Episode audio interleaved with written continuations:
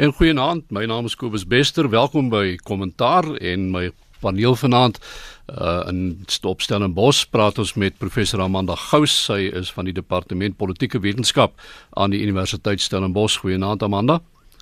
Goeienaand Kobus en goeienaand aan die luisteraars. En in uh, Pretoria die Efficient Groep se hoofekonoom Dawie Rood. Goeienaand Dawie. Hallo Kobus, goeienaand almal. En dan ook in Kaapstad die onafhanklike joernalis en ontleder, dis Jan Jan Joubert en Jan Jan goeienaand. Goeienaand Kobus, naand Amanda, naand Dawie en naand luisteraars. Mense, ek dink ons begin met uh ek dink iets wat veral ook uh vir Amanda na in die hart gaan lê. Uh ek en ek hoop daarom vir almal ook. En dit is die uh, sogenaamde Omotoso verhoor wat die afgelope tyd die aandag trek en wat nou heelwat in die nuus was hierdie week veral oor die klagtes en die woede oor die manier waarop uh, sy regs vir hierdie Nigeriese pastoor se regsverteenwoordiger uh die klaagster uh, Cheryl Zondi behandel het hoe haar ondervra het. Ehm uh, en daar's baie vrae wat nou rondom die ding ontstaan het Amanda.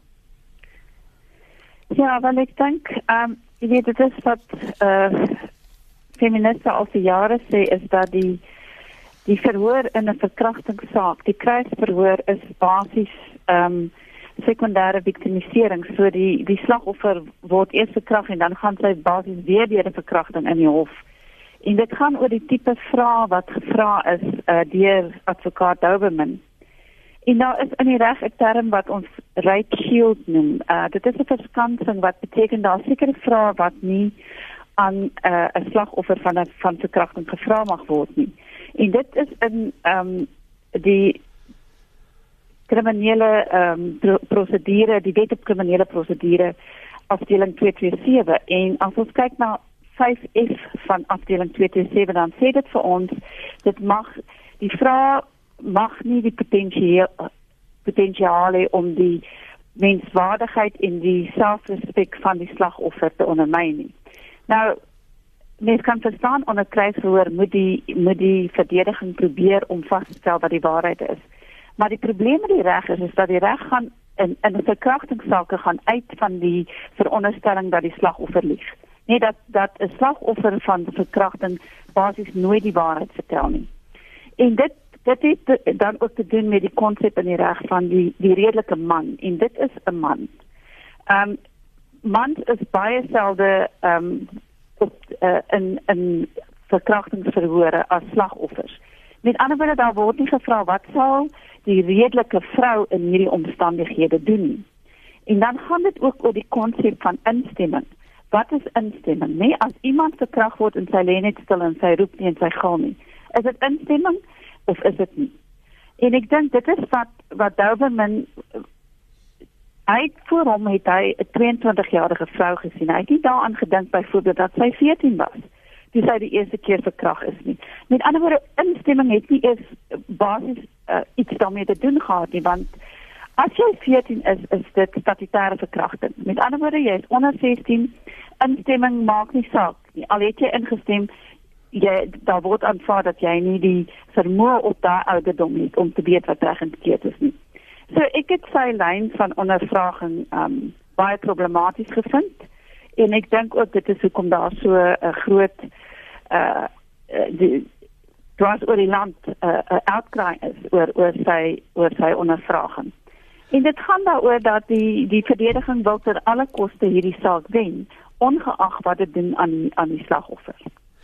Eh, die die vraag wat wat uh, mense nou van die ander kant af gestel het wat ek gesien het hierdie week is waar trek jy die streep in terme ook van die die ander beginsel wat wat geld in ons regstelsel is dat jy is onskuldig totdat jy skuldig bewys word. Ehm uh, dit, wil vir my amper klink asof waar dit 'n teenstrydigheid hier aan die ontwikkel is of kan word. Ehm uh, wanneer ons kyk na die ander kant van jy weet die ander voorboude ten opsigte van van verkrachtingsslagoffers.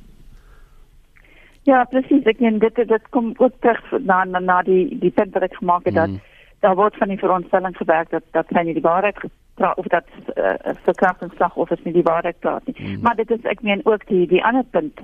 En die en die vraag is hoekom as ons ook gaan kyk na die Zuma verkrachtingssaak, nê, die mm. die sekondêre victimisering wat daar plaasgevind het is hoekom word die sogenaamde oortreders nie op op dieselfde manier ondervra nie. Net die die vrae wat hulle aan hulle gevra word, het nie daai selfde tipe van voyeuristiese ehm um, aspekte wat wat dit gehad het byvoorbeeld nou met met die die Cheryl Zombie saak nie. Hmm. So so ja, en is jy weet jy is onderstel om onskuldig te wees sodat jy skuldig bevind is.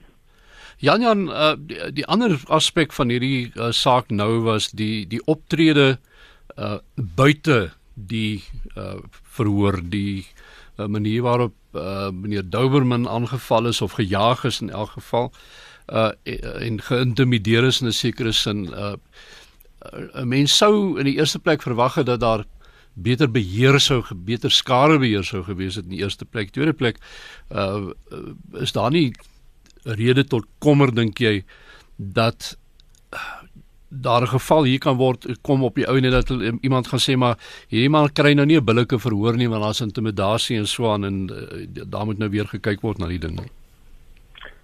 Ek glo as ek dink nie so nie. Ek stem saam met Amanda, jy weet, ek het absoluut geen simpatie vir meneer Douberman nie hmm. en ook nie vir meneer Omotoso nie. Want ons moet kyk wat is gemeene saak hierso en dis wat Amanda uitgewys het.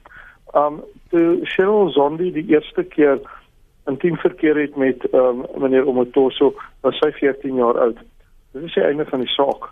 Um die tipe vrae wat gevra is wat ek regtig nie hier wil herhaal nie. Ja. Maar die tipe tegniese vrae is irrelevant.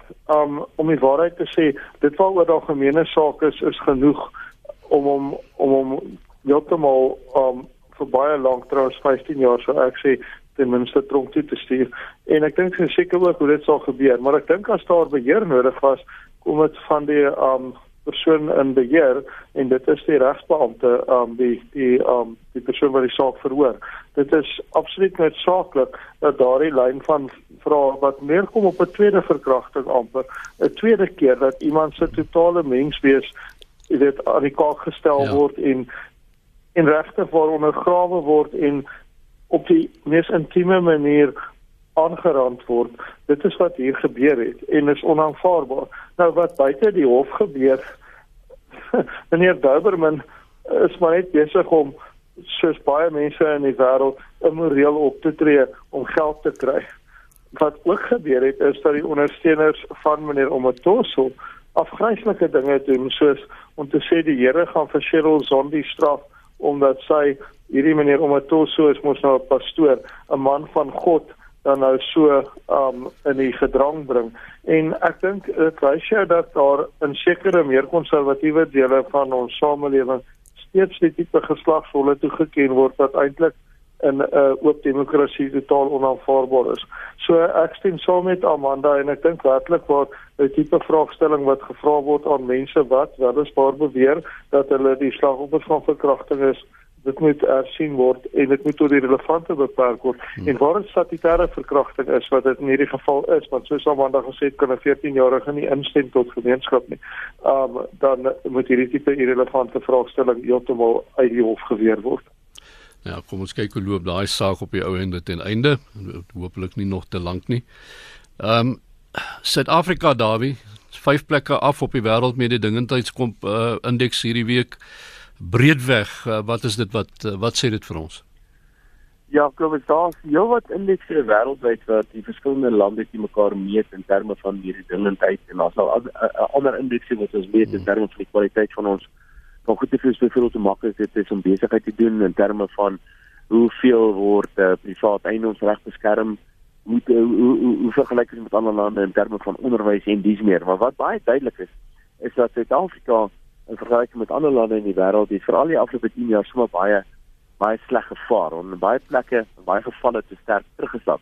Nou daar's 'n paar plekke hoe dit gemeet gaan word. Een daarvan het te doen met ons uh, byvoorbeeld ons instellings in Suid-Afrika. Die instellings het te doen met sekerheid oor beleid, uh, oor privaat eiendomsregbeskerming en dis meer 'n ander aspek wat nou gekyk word is die menslike kapitaal, soos die kwaliteit van ons opleiding, die uh die vaardighede in die land en natuurlik ook die infrastruktuur en dis meer en dan ook goed soos byvoorbeeld die onafhanklikheid van die sentrale bank, die onafhanklikheid van die regbank en dis meer. En in al daai gevalle dink ek gaan ons almal saam sien dat Suid-Afrika die laaste 20 jaar sommer jou wat swakker gevaar het. En inderdaad is dit so dat Suid-Afrika in terme van hierdie spesifieke indeks uh, so wat ek dink 5 plekke afgesak het die laaste die laaste jaar. Um, ek dink wat ook belangrik is om natuurlik is daar geen indeks wat alles kan meet in 'n land nie. Daar's geen hmm. indeks wat bepaal wat die wat die beste soort van samestelling is van die verskillende groothede. Maar maar sonder enige twyfel is dit so dat die meeste van hierdie indekse korreleer nogal baie goed met goed soos byvoorbeeld per capita BBP uh en lewensverwagting en dis meer. So dit is altyd beter om beter te vaar in hierdie tipe van indekse as swakker te vaar. En sonder twyfel het Suid-Afrika die meeste van hierdie indekse die laaste top jare jare heel wat swakker gevaar. Nou ja, ons het nou hierdie week uh 'n nuwe minister van finansies. Ons het 'n uh, mediumtermyn uh begroting of 'n mediumtermyn uh, begrotingsbeleidsraamwerk wat vir op ons wag.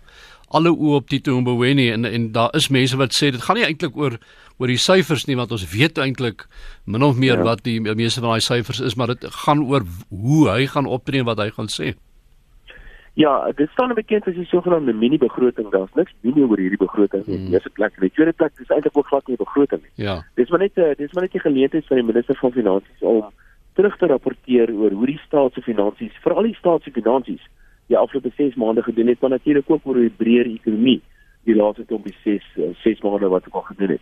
Dan dink daar's twee syfers. As mens wil praat van syfers wat belangrik is, die een het te doen met die staat se inkomste. En ek dink dit vind nog 'n plaas in 'n breër ehm um, uh, narratief van wat besig is om te gebeur by die inkomste diens en ek weet nie of jy daaroor wil gesels bietjie later nie. Maar sonder twyfel het die inkomste diens die afgelope tyd is dit in is is baie van die tande getrek by die inkomste diens.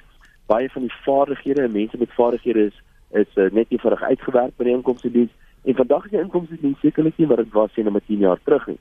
Uh daarmee saam het ons ook 'n ekonomie gesien wat baie swak presteer het die laaste klompie jare en soos byvoorbeeld verlede jaar het die staatsinkomste meer as 50 miljard rand onder die aanvanklike begrote ramings en hierdie jaar gaan die inkomste waarskynlik ook onder die aanvanklike begrote ramings wees. En ek dink dis die eerste syfer waarna die minister gaan verwys en dit is hoe gaan die staatsinkomste lyk hierdie jaar. En ek het 'n vermoede dat daar 'n redelike groot gat gaan wees in die staatsinkomste. En dit het natuurlik implikasies vir die begroting in Februarie. Beteken dit 'n addisionele belastingverhogings beteken dit miskien 'n verdere BTW verhoging wat ek soterloops nie dink gaan gebeur nie en dis meer.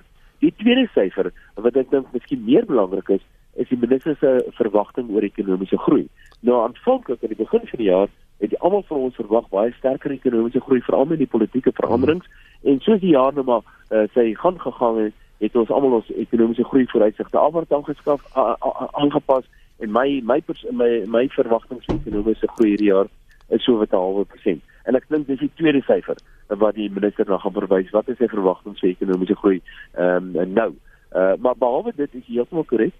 Dan moet jy beslis in die lyne lees, uh, gaan daar wat wat gaan gebeur in terme van byvoorbeeld staatsbesteding? Uh, is daar miskien nuwe belastings uh en wat is die algemene gevoel in terme van ekonomiese en veral fiskale beleid oor die volgende jare? Maar meer duidelikheid daaroor dit hier eers in die begroting bekend gemaak word. Jan Jan, jy beweeg nou daar tussen die parlementêre ouens. Um, kry jy enige gevoel van hulle kant af uh, oor hierdie ding? Is daar uh, kommer? Wat gaan aan daar? Ja, daar's beslis kommer. Uh, daar's ook 'n mate van verligting en ek dink daar is sou daar hopelik saamstem dat um die president het nogal haas uit die hoed gepluk met die dat Tito Mboweni um nou die minister is dit is 'n uh, baie meer positiewe verwikkelinge as wat mense dalk kon verwag het redelikerwys. En tweedens, um kan jy sien dat die terugvoer wat 'n mens kry van van die kredietgederingsagentskappe soos Moody's is soort van positief. Hulle gee die ouens 'n kans en ek dink as die situasie nie verander het in die land nie dan sou hulle nie die ouens se kans hê nie. Daar's geen geen twyfel of seker dat die Mboweni 'n verbetering is op ehm um, Flanflan nee nee nee en dat ehm um, hy 'n uh, absoluut ag ekspansiewe um, verbetering is op arme Malusi Gigaba nee. So wat in die parlement aan die gang is is dat mense hoop vir die beste, maar ek dink um, dat Amanda en en Dawie wat van die dinge meer weet as ek sou soms sien dat daar nie ontsettende mate van beweegruimte is vir die Tamboweni nie. Wat ons nou gaan kyk dink ek uit 'n politieke hoek uit is verantwoordelikheid. Daar was geweldige onverantwoordelike bestuur van die land die afgelope tyd gewees in so 'n mate dat jy eintlik jou hande kon saamslaan. So wat nou nodig is is dat foute erken word en dat foute reggestel word. Een daarvan gaan moet wees en dit gaan baie ongewild wees aan die linkerkant van die spektrum dat daar beweeg word in terme van privatisering van staatsbates wat nie presteer nie. En hier dink mense spesifiek en ek meen dis nou nie nie of nuwe gedagtes nie, maar aan die staatsondersteunde ehm um, beleggings ag of as ondernemings soos byvoorbeeld SAL Petro is al wat eintlik die hmm. ergste een is en waarvan mense nooit hoor nie. Um ensovoort ensovoort dat daar instansies is wat doodgewoon ten minste deels geprivatiseer sal moet word en op 'n uh, tipe van deurslaggewende manier geprivatiseer gaan word. Niemand gaan net 'n minderheidsaandeel vat in Israel as hulle nie 'n sê het in hoe die ding omgekeer word nie. So uh, um ek dink van nou ons kyk is 'n groter mate van realisme, 'n groter mate van verantwoordelikheid en nuwe planne om dit wat op hierdie stadium ons geld kos uh om te swaai na iets wat vir ons gaan geld maak. Maar Amanda, dit is nou 'n interessante punt wat uh, wat Jan Jan daar maak want die vraag wat by my opkom is in hierdie tyd waar almal eintlik nou hulle oë op Tito Mboweni het met die hoop dat hy in 'n groot mate besnoeiings gaan kan pleeg om om om goeders reg te maak die die die die, die, die hele begrotingsproses die bestuur van en besteding van die van die staat meer vaartbelyn te maak sit ons met toenemende protesoptrede in veral in in in in die townships en in plattelandse gebiede waar mense ontevrede is met die gebrek aan dienste en uh, ons sit nou met 'n regering wat eintlik nie geld het in hierdie stadium lyk like dit vir my om werklik dienste te lewer nie. So dit moet 'n kommerwekkende ding wees daai want 'n mens kan nie eintlik sien dat uh, ons jy weet dat dis stabiliteit regtig iets is waaroor ons in hierdie stadium kan praat nie. Ja, wel ek dink dit is nie net nou wat dit die geval is nie. Dit is al eh, meer as 'n dekade wat mm. uh, diensleweringproteste aangaan. Ek dink dit raak erger en en meer intens. Maar maar die probleem hier is is juist dat nou dat hy die die nuwe minister is, sit hy met 'n 'n staatskrisis want wat by die die inkomste by die ontvanger gebeur is dat uh duidelik het Tomoyani 'n uh, baie groot impak gehad om om basies die hele werking van die inkomste dienste vernietig. So in die eerste plek sal sal daardie probleem aangespreek moet word. En dan is soos Jan Jan gesê dat baie min beweegruimte. Uh die staat se skuld op uh GDP is op die oomblik meer as as as 50%. So dit moet afgebring word to, tot 50% ten minste.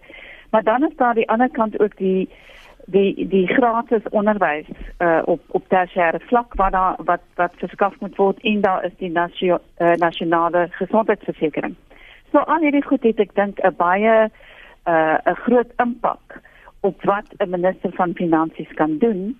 En ek meen een van die goed wat hy blykbaar wil doen is om die vermorsing van staatsgeld te besnoei. Net 75 miljard of 75 miljard rand se wasteful expenditure uh, expenditure het ons ons gehad hmm. in die hmm. afgelope jaar. So uh weet dit moet afgebring word. En en nou ek meen as ons praat van dienslewering nou, nou, as ons net kyk na Limpopo byvoorbeeld, dat die die hele DBS bank situasie beteken dat daai munisipaliteite kan absoluut nie dienslewer nie. So ek dink hy is in 'n baie moeilike situasie en hy sal Ehm um, uh, wel ek dink wat hy gaan doen is om steun te verleen aan aan Cyril Ramaphosa se se planne om om basies ehm um, eh uh, die ekonomie te laat groei. Eh uh, so hy sal sekere prioritisering moet doen van wat wat watter geld gaan uh, na hierdie strategie toe en wat gaan ons doen met gratis onderwys en wat gaan ons doen met die nasionale um, gesondheidsversekering. So ek dink hy ehm um, hy sal hy sal 'n uh, 'n klein eierdansie moet doen en dan is dit soos Jan Jan ook gesê het wat gaan ons dan sien in die belasting uh, of die begroting van volgende jaar. Nou daar wie uh, meneer Kingen wat nou waarneem as die uh, kommissaris ja.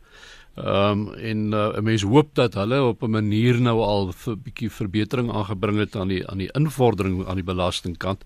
Ehm um, maar dit het 'n dramatiese week self nou agter die rug want uh, die president wat uh, of liewers regter Nugent in elk geval wat aan die president ja. versoek gerig het uh dat uh, meneer Dan Mojani se muur afgelas moet ag afgedank moet word. Hy sê hy is onbevoeg, hy is oneerlik, hy is onbetroubaar.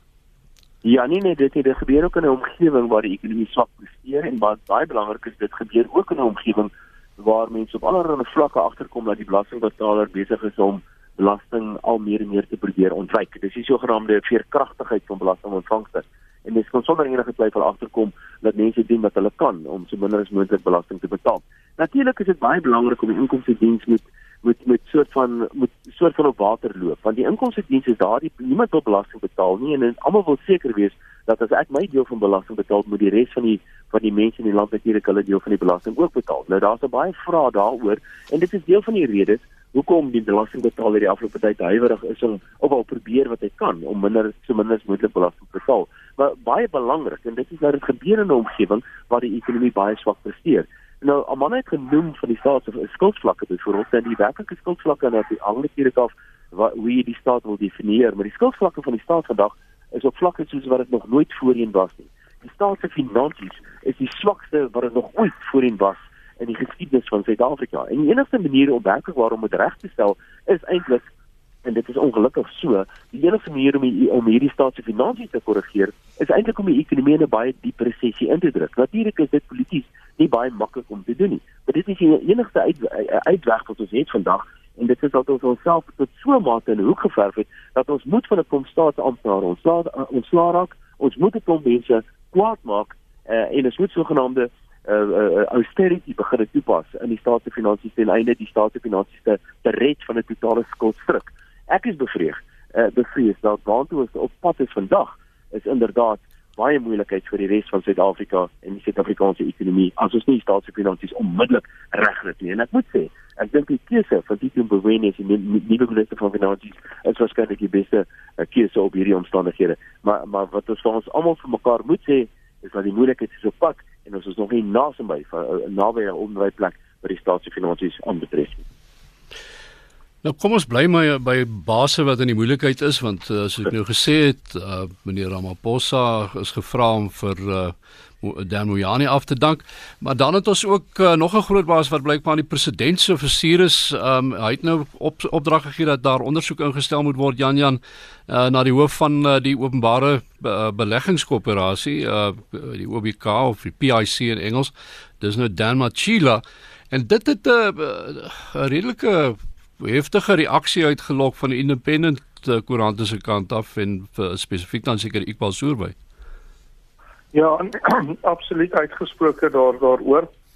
Um kyk die openbare beleggingskoöperasie is een van die grootste fondsbestuurders en Dawie moet my korrigeer as ek verkeerd is sommer dadelik, maar in die wêreld sover ek verstaan.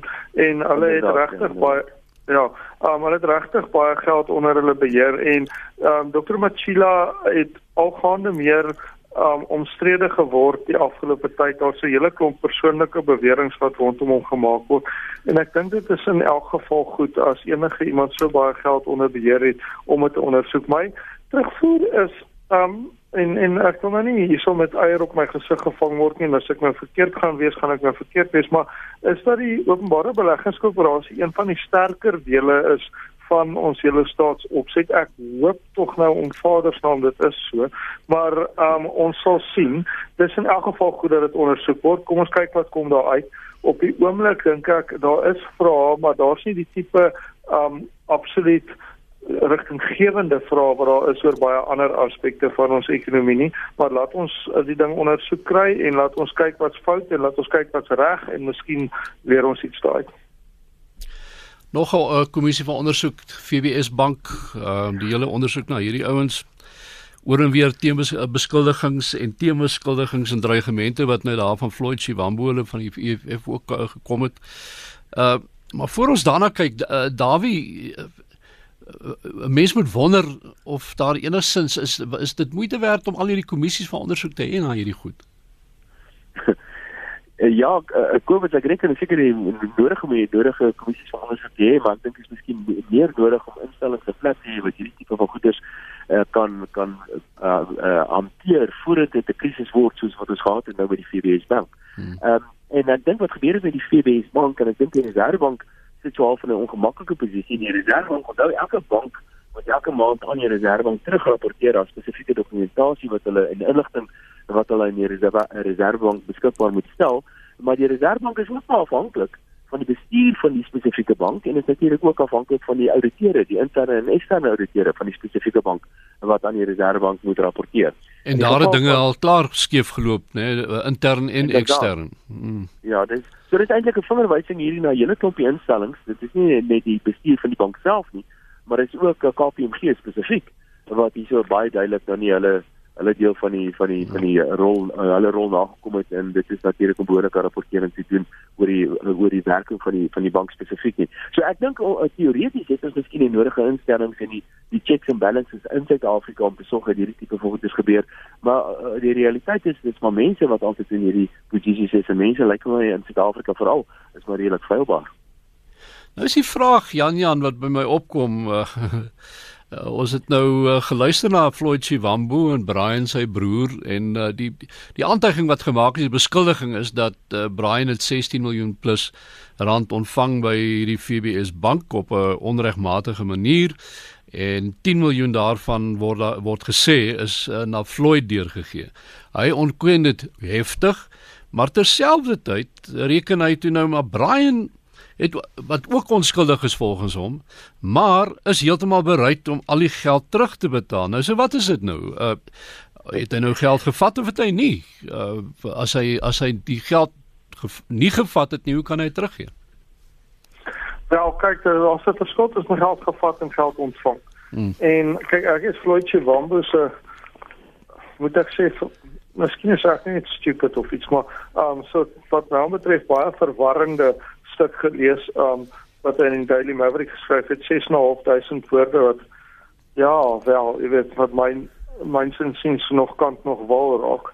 Um so die vraag is nie of hy die geld ontvang het nie, die vraag is of die geld onregmatig bekom is. Jy weet hmm. en um en dit is die vraag wat beantwoord moet word, maar dis waar ek bietjie gefrustreerd raak met van hierdie kommissies. Ek meen hierdie kommissies wat moet orde skep in chaos, soos byvoorbeeld die Nugent kommissie of die um kommissie na die sonderkommissie. Hulle doen baie baie goed.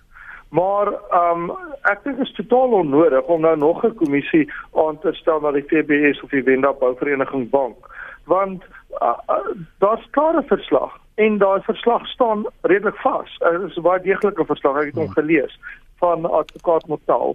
En wat my betref moet daar nou um op grond daarvan besluit word of daar of daar vervolging ingestel word. Ek is 'n klein bietjie bekommer dat um, 'n um, kommissie kan of orde bring en duidelikheid bring of gebruik word om basies soos die Engelse sal sê die blikkie met die pad af te skop, kicking the can down the road, hmm. sodat niemand hoef verantwoordelikheid te neem nie. En ek kry die gevoel met die FBS bankkommissie, dis nou regtig tyd mors. Hierdie mense moet nou aanspreeklik gehou word. Dit is 'n baie baie goeie verslag en dis tyd vir vervolging. Nou daar's uh, is altyd goed om van Jan Jan te hoor want hy's hy's 'n vuurvreter wanneer dit by die goed kom so. Ehm um, rapport, kom ons gaan 'n bietjie na vir vir vanoggend se koerante en uh rapport berig vandag oor 'n nuwe skelmspel lyk dit vir my of 'n beweerde skelmspel, laat ons dit nou maar so stel. Die kinders van weermag grootkoppe wat basies ek wil sê beskutte arbeid nou in die weermag geniet. Wat maak julle daarvan, Amanda? Ja, wat die berig sê is dat ehm um, daar 'n skema was om eh uh, studente wat is in diens neem in die weermag wat kom uit uit moeilike omstandighede. So dit was eh uh, om basies werkskepping skepping te hmm. doen eh uh, vir vir studente en wat nou gebeur is dat daar sewe van die generaal se kinders is in die weermag uh, in diens geneem en dat hulle meeste van die tyd nie opdaag vir vir werk nie. So met ander woorde dit is weer eens die bankies vir vir boetie tipe situasie waar die die families uh voordele trek uit hierdie skemas en en dat hierdie skema is nooit geïmplementeer nie. Met ander woorde, daar was 'n skema, dit is befonds, wat het van die geld geword? So so weer eens moet die mens die vraag vra, uh is daar enige skemas uh in die uh die openbare sektor wat nie op een of ander manier gehijack is. Veral as jy nou kyk dat baie baie van hierdie uh, jong mense is blykbaar ook hulle word betaal van hulle word betaal op 'n vlak van 'n 'n luitenant of 'n uh, uh, kaptein self so wat ook al so daar's ouens wat nou 26000 rand 30000 rand 'n maand verdien. Wel verdien is die verkeerde woord.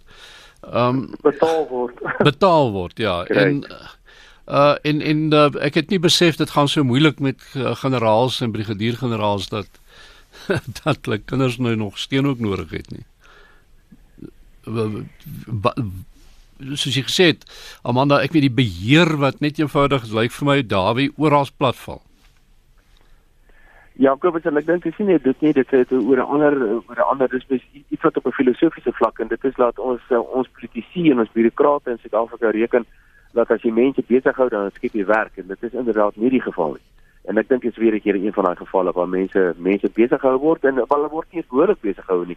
Hulle word net betaal en nou om een of ander rede nou hulle werk. Dit is nie 'n werklike werkskeping nie. Werklike werkskeping vind slegs plaas wanneer iemand bereid is om sy eie geld iemand anders te, betaal om iets spesifieks te doen. En daar's hopeloos te veel mense en dan hang af hoe jy die staatsamptenare wil definieer wie almal is nou deel van die staatsdiens, want as jy tussen 1 en 3 miljoen staatsamptenare wat deur ons betaal word en ek is bevrees waarskynlik heel meeste van hulle uh, is sekerlik verdien nie die geld wat hulle betaal word elke maand. En dit sluit natuurlik ook die hangers aan in soos byvoorbeeld die generaal se se kindjies en dogtertjies. Maar daarmee saam in die Sunday Times vandag die berig oor uh die dogter van uh, een van die dogters van koning Zweletini uh, hy baie vrouens so ek is nie seker waar sy inpas op watter weet op watter hoogte sy 'n prinses is nie maar dit nou 'n uh, HOP huis ingepalm. Uh, jy weet na as ons nou kyk na die miljoene rand wat na die koning toe gaan elke jaar en uh, alles rondom die Ingonyama Trust en al die goed wat daar so so omstrede is. Sy nou so arm dat hy nie vir sy dogter huisvesting kan gee nie. Amanda? Oh, dis so. Oh, ja. ja. I mean die die die prinses is nog uh minderjarig met ander woorde wat wat die die reëls vir hierdie spesifieke ehm um, hoophuise was dat jy met getroud wees en kinders hê of jy as jy enkel is en jy het kinders kan jy in hierdie hierdie huise intrek. Maar sy is is minderjarig en sy het haar eie huis en weer eens die staatsgeld wat gebruik word vir uh, koning Valentini is nie arm nie. Hy kan sy eie kinders onderhou. So hoekom is dit die geval dat uh jy weet dat dat daar van staatsgeld gebruik maak en hy het 27 kinders. Dink nou net as al 27 uh, met staatsgeld onderhou hmm. word. Maar Jan Jan, ehm uh, tradisionele leierskap en ek weet ek steek nou my kop hier in 'n bynes in hè, maar ehm um, Wat maar moenie worry nie, ek ek's met jou. Dit dit is tog dit dit maak mos nou nie sin meer in 'n demokrasie nie. Ek meen 'n uh, dem, demokrasie met 'n hele horde konings want ek sien daar's 'n nuwe Wenda koningin wat op die punt is 'n prinses wat op die punt is om leierskap oor te neem, lyk like dit vir my en ons het vroeër hierdie week gehoor van nog iemand wat op die punt is om nou 'n koning te word uh nadat die hof een of ander bevinding gemaak het. So ons word toegegooi onder die royalty en uh, en almal kos vir ons net 'n geweldige klomp geld. Ja, as dit nie as dit nie was sy royalties wat ons aan die royalty moet betaal nie sou ek minder probleme daarmee gehad het. Selfs ek en Amanda het nou al 'n koning. Ek weet nie of jy gesien het nie Amanda, hierdie koning Cornelius die 3de hier van Woodstock. Ons is nie heeltemal die graaf van Woodstock nie, maar hy maak hom nou koning van ons almal hier in die Weskaap, nee, ek weet nie, sover ek weet van ons hier in Kaapstad en Plato se Republiek. Maar nou kom vol. Ehm hoe dit ook al sê, nee, hierdie ehm um, Kobus net op jou basiese punt uiteraard. Ek bedoel daar is daar's geen manier waarop hierdie tipe van instellings wat absoluut op afkoms berus en op 'n ongeluk of geluk van geboorte en niks te doen het met vaardigheid of demokrasie nie enige plek het in ons demokrasie nie. Um ja, die grondwet sê hierdie goed moet erken word, maar ek dink dit is heeltemal absurd geraak. Men die bedrag betrokke is enorm en die hoeveelheid mense wat nou skielik blou bloed oorster op diep is is verregaande. Wat um die Zulu prinses betref, ja, dit is nogal 'n vreemde storie. Um sy het uh, die hoop hy sê ek weet nie van mense wat dit dalk nou nie nie sal uiters gesien het nie. Dis 'n klein witte klein hoop hy sê wat daar staan reg in die paleis van daarby KwaNongoma as jy tussen Ulundi en Magutu ry Magutu is van die ander kant hmm. van Nongoma is nog klein en maar in elk geval as jy daar teen die berg op ry dan kry jy mos na die koningspaleis daar en hierdie staan op daai gronde nou ja dit is 'n klein bietjie absurd om om om om te sien maar ja Amanda wys reg uit dat 'n mens kan jou oorrol daaroor maar dit is inderdaad krimineel wat jy aan die gang is en heeltemal onaanvaarbaar want ehm um, die die prinses in in ehm um, hierdie geval kan op geen manier daarvoor kwalifiseer nie.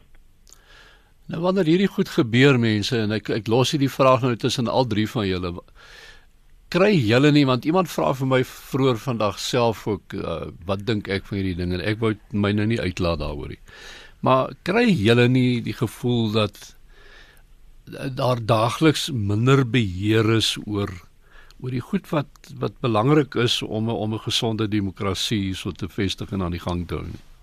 Um, nee, glo ek dink nie so nie. Daar's daar's aspekte wat baie goed is. Jy weet, Dawie het aan die begin toe jy hom gevra het oor hierdie um oor hierdie indeks wat nou bekend gestel is die um oor oor hoe ons nou vaar teenoor die res van die wêreld. Um 'n paar dinge uitgelig en daar's 'n paar goed wat eintlik baie belangrik is. Een daarvan is ons het 'n ontsettende besige burgerlike samelewing en mense wat verstaan hoe die demokrasie werk. Ek dink ons het geweldig baie um vloeibaarheid in ons demokrasie op die oomblik en dis hoekom die ANC so onseker is oor of hulle bo 50 gaan kry en kom dit so absoluut ondeurdag is vir die DA om byvoorbeeld vandag die ANC en die EFF saam te groepeer asof hulle dit afwens op hulle kiesers. Maar um, daar's geweldige stuwing in ons demokrasie. Ons regbank is die sterkste wat hy nog was dink ek. Regtig waar. Jy weet of in elk geval die mees onafhanklike. As jy kyk na die regbank in die apartheid staat hulle het eintlik nie heeltemal so goed gevaar as wat hulle moes nie. Daar was oomblikke, daar was die tydperk van die peerling stemreg hier so in die middel 50er jare waar hulle waar hulle goed gevaar het, maar oor die algemeen nee wat.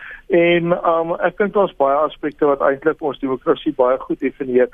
Des te meer so um dat mense stemreg het. En dit is maar nog 'n nuwe ding in ons land en dit maak dit al klaar soveel beter as enige iets wat 25 jaar gelede bestaan het.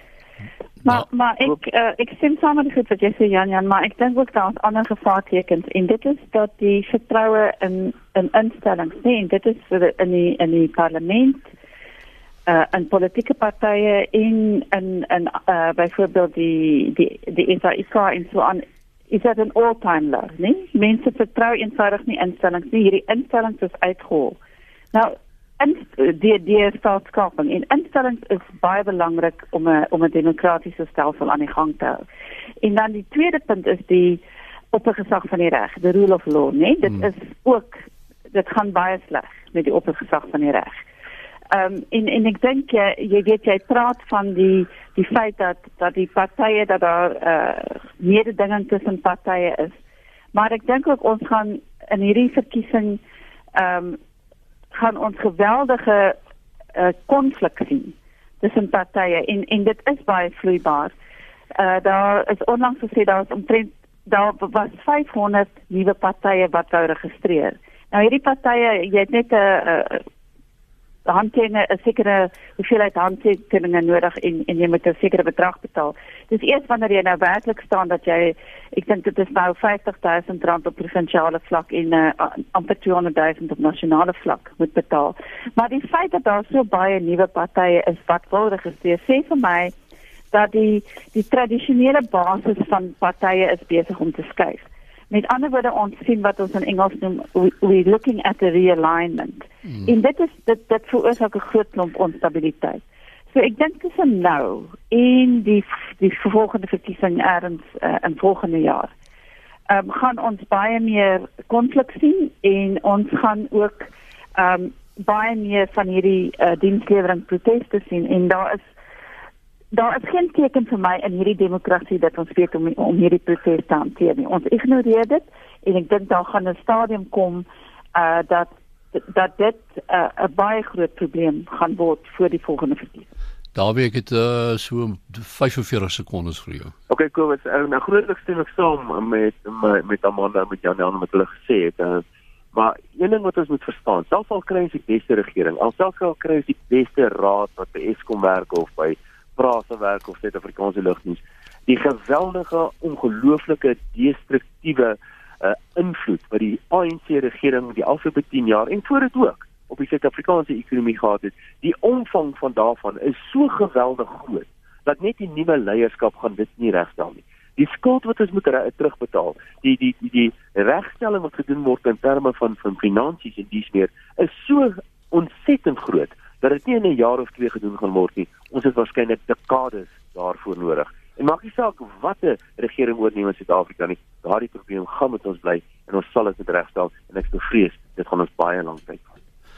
Ja, dit was Dawie Rood, hoofekonoom van die Efficient Groep uh, met die slegte nuus en saam met hom vanaand professor Amanda Gous van die Departement Politieke Wetenskap by die uh, by Universiteit Stellenbosch en in Kaapstad die onafhanklike joernalis en ontleder Jan Jan Joubert. En uh, mense baie dankie vir julle bydrae. My naam is Kobus Westrik. Groet tot volgende Sondag aand. Totsiens.